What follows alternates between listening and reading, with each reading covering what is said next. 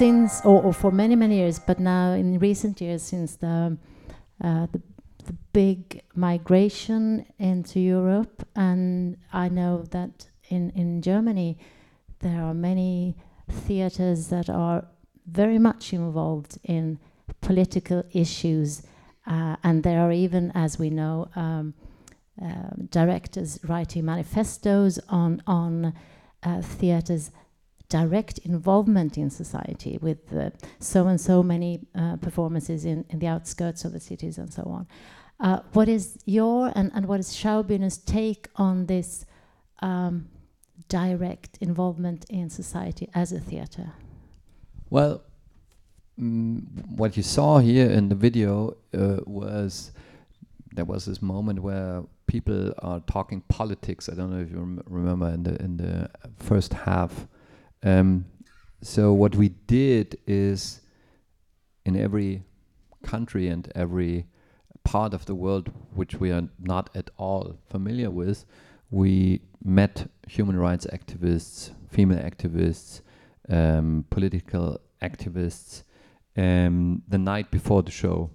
So that they explain us the situation of the country and the situation in the city uh, and what kind of um, political consciousness we might expect in the audience in order to um, to be able to respond, of course, but also in order to, and that's especially important for me and the ensemble, um, to to give the ensemble and the actors a broader view of the world, which then hopefully um, flows back also into their work. So I make a, a clear distinction uh, between me and my theater and me as a political activist or a political thinker.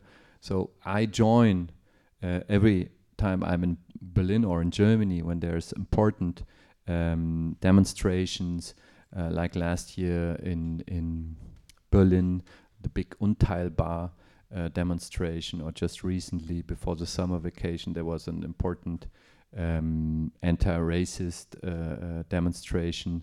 Um, so I'm going there. I'm in the street. I, as a as a Marxist, I know that uh, theater is not the tool to change the world. So th the change of the world will only come from the power in the street. And so in these times, you have to know when now there's a, this big threat of the right. Of course, we are dealing with these issues in our theater. We're dealing with these issues with the show of Returning to Reims, which is about why is there the rise of the new right. The play uh, of Edouard Louis, um, History of Violence, which is coming here next year. It's about homophobia, racism, structural racism, structural homophobia. Yes, we are attacking these issues, but I would never say that I'm changing the world with these shows. To change the world and to, to, to show opposition against uh, the uh, extreme right, the neo-fascists, you have to be in the street. You, you cannot solve this in the theater uh, room. And um, wow, this is a historical uh, proof. This is a historical consciousness. I mean, uh, you would you would lie to yourself um, when you think that you can fight um, these powers um, inside a, a, a, theater or inside a performance, and and the enemy. And I consider the extreme right as an enemy. They would laugh about this. You know, the only way to make them stop is solidarity with all the rest of the, the society and to be in the street and, and, and to fight these powers in the street.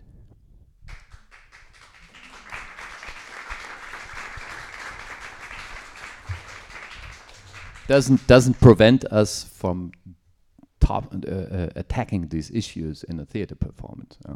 And, and, would you say there might be a difference between uh, an uh, subsidized theatre as yours and, and people of, of our generation, and as you were saying before, go out and form your own companies. I mean, would would you still think that performing arts would never be a, a tool of societal change? One hundred percent, one hundred percent. It might change the the perspective of one audience member.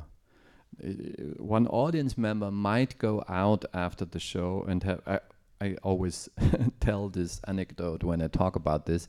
Um, there, uh, we had a, a little uh, get together in the Schaubühne with friends of the Schaubühne, so the association. And then a, a, woman approached me and she said, "Ah, um, uh, Herr Ostermeier, I really have to tell you this. I always wanted to tell you this, but I split up. I divorced uh, with my husband because of your uh, doll's house."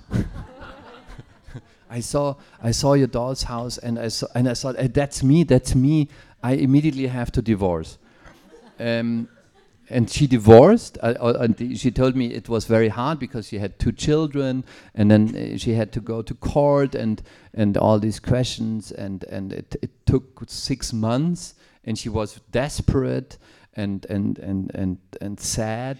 So in order to encourage herself to undergo this process, she went back and saw the show again uh, to be strong for uh, the court and to fight uh, with uh, her own uh, her ex-husband.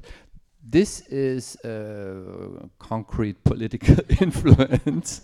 Um, so there we go. Um, but um, the, the, the the real threats now on our society are not threats, threats which can be solved in the theater.